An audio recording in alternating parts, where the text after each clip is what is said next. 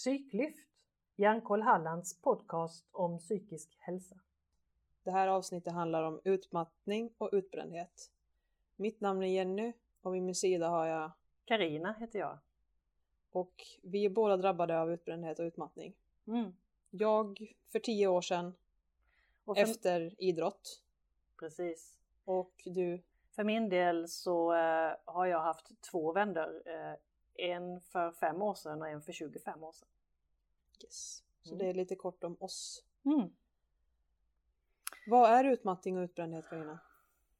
Ja, det är en intressant fråga. Eh, och det var väl det jag sökte svar på också när jag själv drabbades. För det pratas väldigt lite om det tycker jag. Väldigt lite.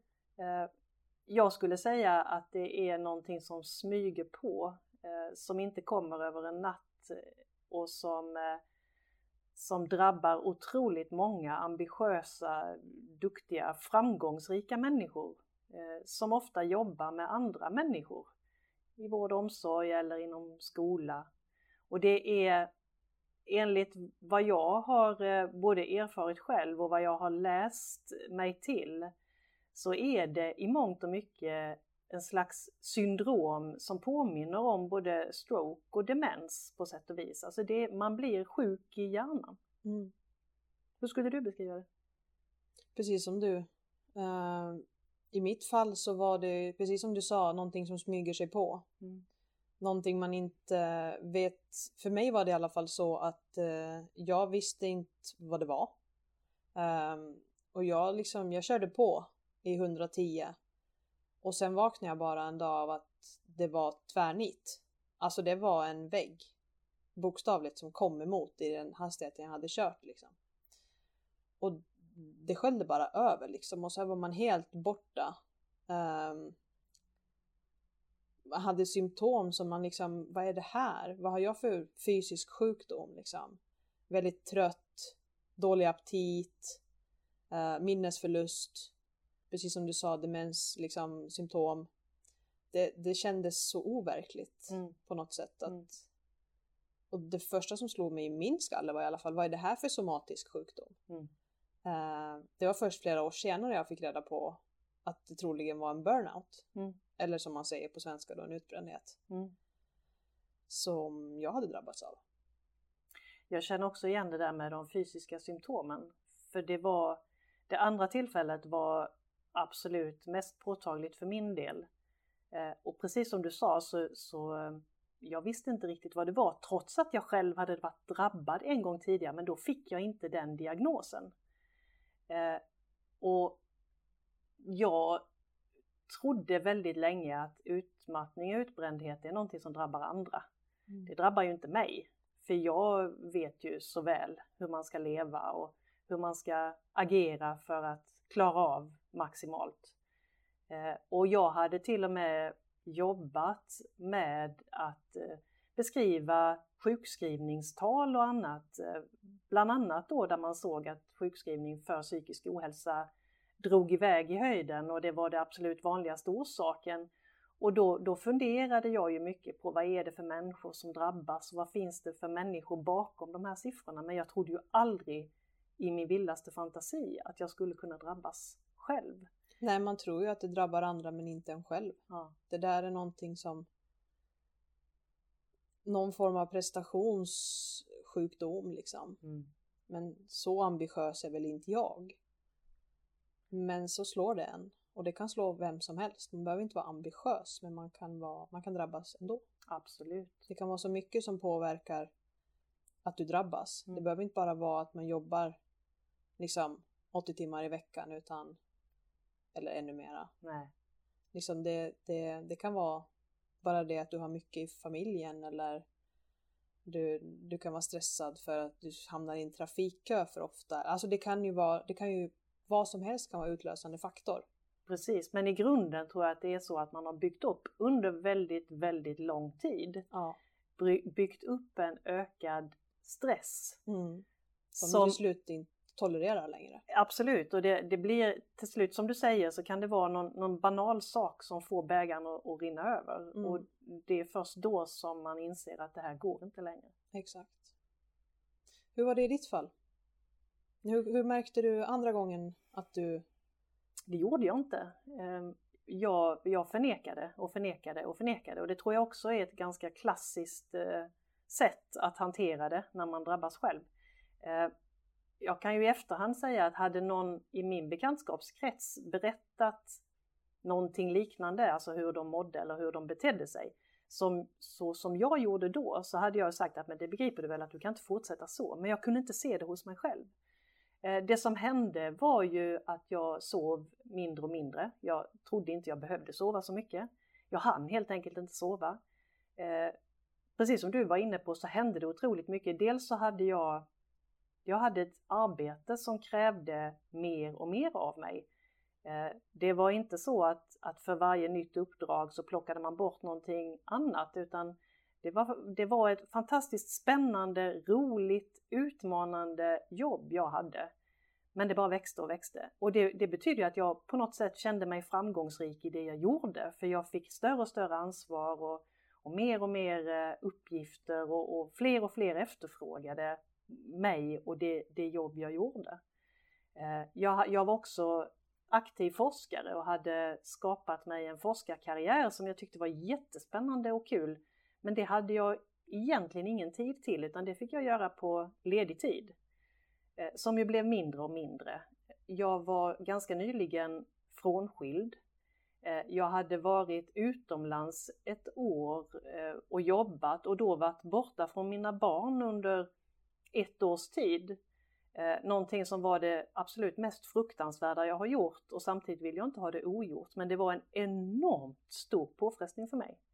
Mina föräldrar började bli sjuka båda två, allt mer hjälpbehövande. Och gradvis så fick jag mer och mer ont i kroppen. Alltså jag, jag, det var så jag upptäckte det. Jag har varit ledare för Friskis och Svettis i, 20 år. Eh, och tyckte att det var lite konstigt att jag började få träningsverk under passen. Alltså jag fick ont i stora muskelgrupper i princip fem minuter in i varje pass och tänkte det är ju konstigt att jag plötsligt har blivit så otränad. Men jag kopplade aldrig ihop det med att det var kroppen som skrek att nu räcker det. Eh, till slut så, jag satt hemma på söndagkvällar och grät. Eh, för att jag hade inte hunnit vila upp mig tillräckligt på helgen. Jag visste att jag inte kunde vara hemma från jobbet på veckan därför att det var för mycket saker som, som jag kände låg i mitt knä och vilade på mina axlar. Så när jag av min kära sambo fick förslaget att ja, men, stanna hemma, sjukskriv dig. Nej, du är inte klok, du är inte klok, sa jag. Och så torkade jag tårarna och så samlade jag ihop mig och så gick jag igen. Jag gick hos en psykolog som sa till mig att du kanske ska överväga sjukskriva dig och jag tänkte det vågar jag aldrig för det kan bli hur långvarigt som helst. Så någonstans i bakhuvudet anade jag att det här kan bli riktigt långdraget och det är bäst att jag inte släpper på takten utan jag bara kör på. Men till slut så hade jag ju, alltså jag trodde jag hade muskelsjukdomar, jag trodde jag hade ledsjukdomar, jag började tro att jag hade synfel, eh, jag hörde dåligt, jag sov inte. Ja, det var så mycket konstiga symptom så att jag gick till vårdcentralen som eh, sjukskrev mig på start. Mm. Jag känner så igen det du beskriver. För mig var det ju inte arbetsmässigt utan jag var ju elitidrottare. Mm. Och var bara 19 när det hände. Mm. Um, och var ju högpresterande och vältränad. Men eh, kände precis som du under dina friskispass att jag skulle liksom, jag skulle gå 200 meter snett sluttande nerför och fick stanna två, tre gånger på vägen för att helt enkelt hämta andan. Jag var helt slut. Eh, och jag förstod ju inte vad det var. Jag trodde att jag hade en muskelsjukdom, precis som du sa. Och var till vårdcentralen. För mig hände inte det här i Sverige. Utan det hände när jag var i USA. Så jag hade inte ens min familj närvarande. Vilket också var en stressig mm. stressorsak. Eh, gick till läkare och fick utskrivet D-vitamintabletter. Eh, och det trodde jag ju inte på för jag bodde ändå i en solstad. Mm. Det, solen lyste nästan alla dagar. Men eh, jag åt de där tabletterna. Men jag blev ju aldrig bättre. Jag blev snarare sämre bara. Och började få minnesförluster. Började få ännu mer ont i kroppen. Började, alltså jag pluggar på heltid, jag orkar liksom inte träna. Ehm, ja, det var... Blev liksom... emotionellt instabil. Eh, ena stunden kunde jag vara gråtmild, sen kunde jag vara förbannad och sen kunde jag vara hur glad som helst. Eh, fanns inget mönster. Eh, och jag började känna liksom att jag isolerade mig allt mer från omvärlden. Satt mer och mer inne på mitt rum, ville inte gå ut, ville inte röra mig bland folk. Uh, det ville jag inte i grunden, men jag ville ännu mindre nu. Jag ville knappt gå ut och laga mat. För att aptiten inte fanns där. Så det fick så mycket negativa konsekvenser. Och jag förstod först det här att jag var så pass dålig, förstod jag först när jag började få självmordstankar. Mm. Men det var ju år senare. Mm. Och då har jag fortfarande inte fått en diagnos mm. på utbrändhet. Och det har jag väl regelrätt inte fått nu heller. Men jag vet ju att det är det det var. Och jag är fortfarande i det. Mm. Till, I viss mån. På vad sätt då? Att jag känner symptom. Jag känner att jag har någon form av stresspåslag så fort min idrott, golf då, nämns. Eller att jag hört talas om det. Eller att eh, från det, alltså det kan vara en sån enkel sak att passera en golfbana som jag vet att kommer, eller att jag ser en skylt och vet att det kommer en golfbana på höger sida av vägen, att då tittar jag medvetet till vänster och passerar den. Jag besöker inte golfklubbar.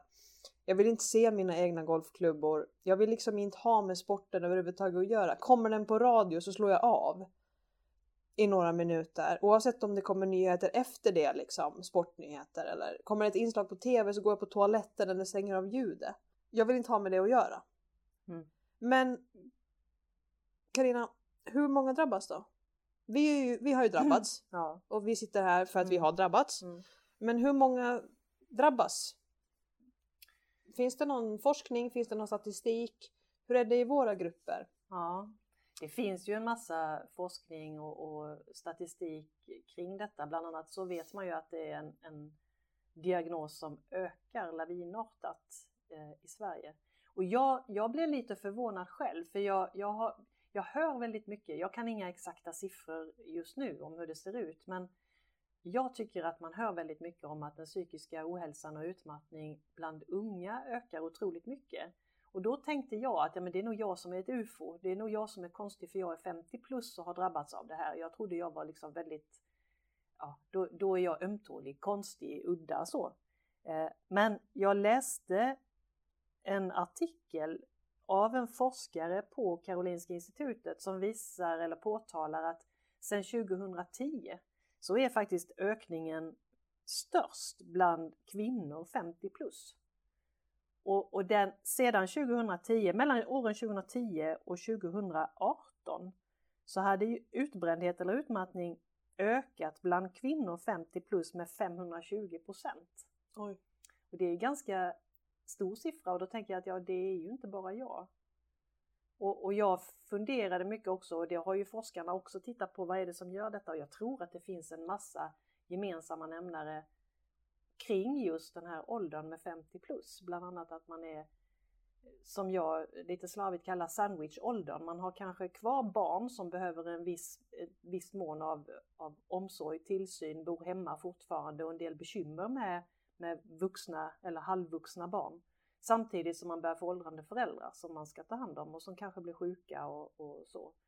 Eh, många går igenom skilsmässor i den åldern, många gör karriärväxlingar, vilket också är stressande.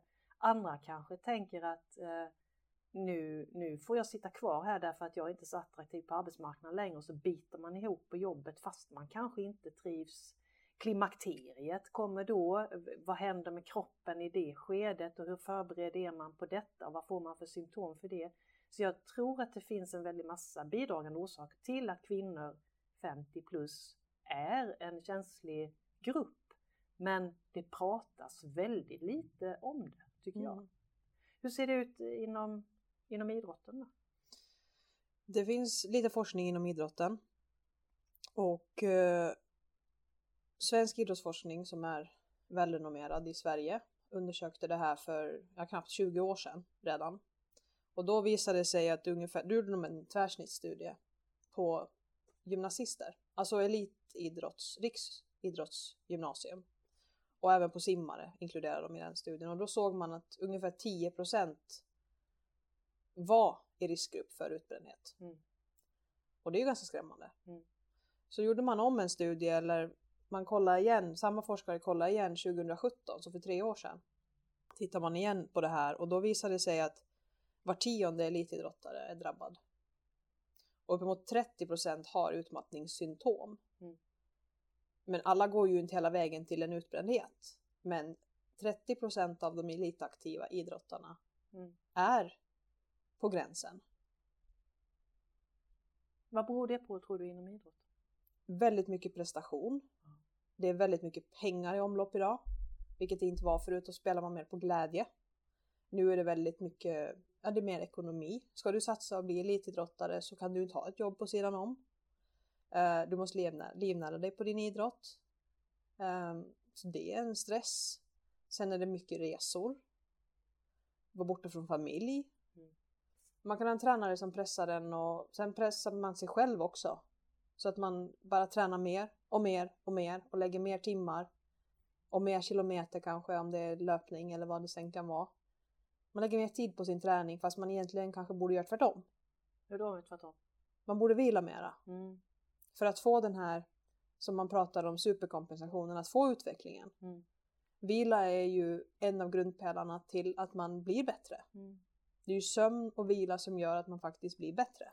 Men hur tänker du? För för det man läser och, och rekommendationer som ofta står är ju att en, en bra fysik och en bra kondition och att man tränar och är fysiskt aktiv och så, det är den bästa behandlingen. Hur tänker du kring det? Det håller jag absolut med om, men man behöver inte vara en världsatlet för att må bra. Det räcker med att man förbättrar sin egen hälsa någon procent, Mm. så är det bättre. Mm. Så ta regelbundna promenader räcker liksom. Mm. Man behöver inte fara och ut och jogga en gång varje dag eller gå på gym fem dagar i veckan. Eller man behöver inte vara en, en superatlet. Det räcker med att man gör någonting för att lindra symptomen. Mm. För det, det tycker jag var en, en ganska svår, ett svårt steg för mig att ta. Att trappa ner, att tagga ner, eh, både med min egen träning men också i livet överhuvudtaget. Att det, det var inte självklart. Jag var så van vid efter många år i ett alldeles galet tempo så var man så van vid att det skulle gå på det sättet. Så att sen det, det som hände var ju att jag satt och glodde.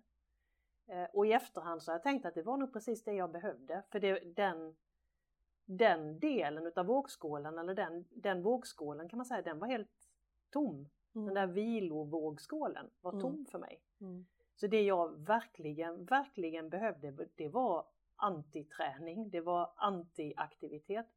Och, och det fixade kroppen åt mig alldeles själv, för det var det jag gjorde. Jag satt och glodde, tomglodde, rätt ut framför mig, eh, dag ut och dag in. Vissa dagar fick jag kläder på mig, andra dagar satt jag i morgonrocken hela dagen.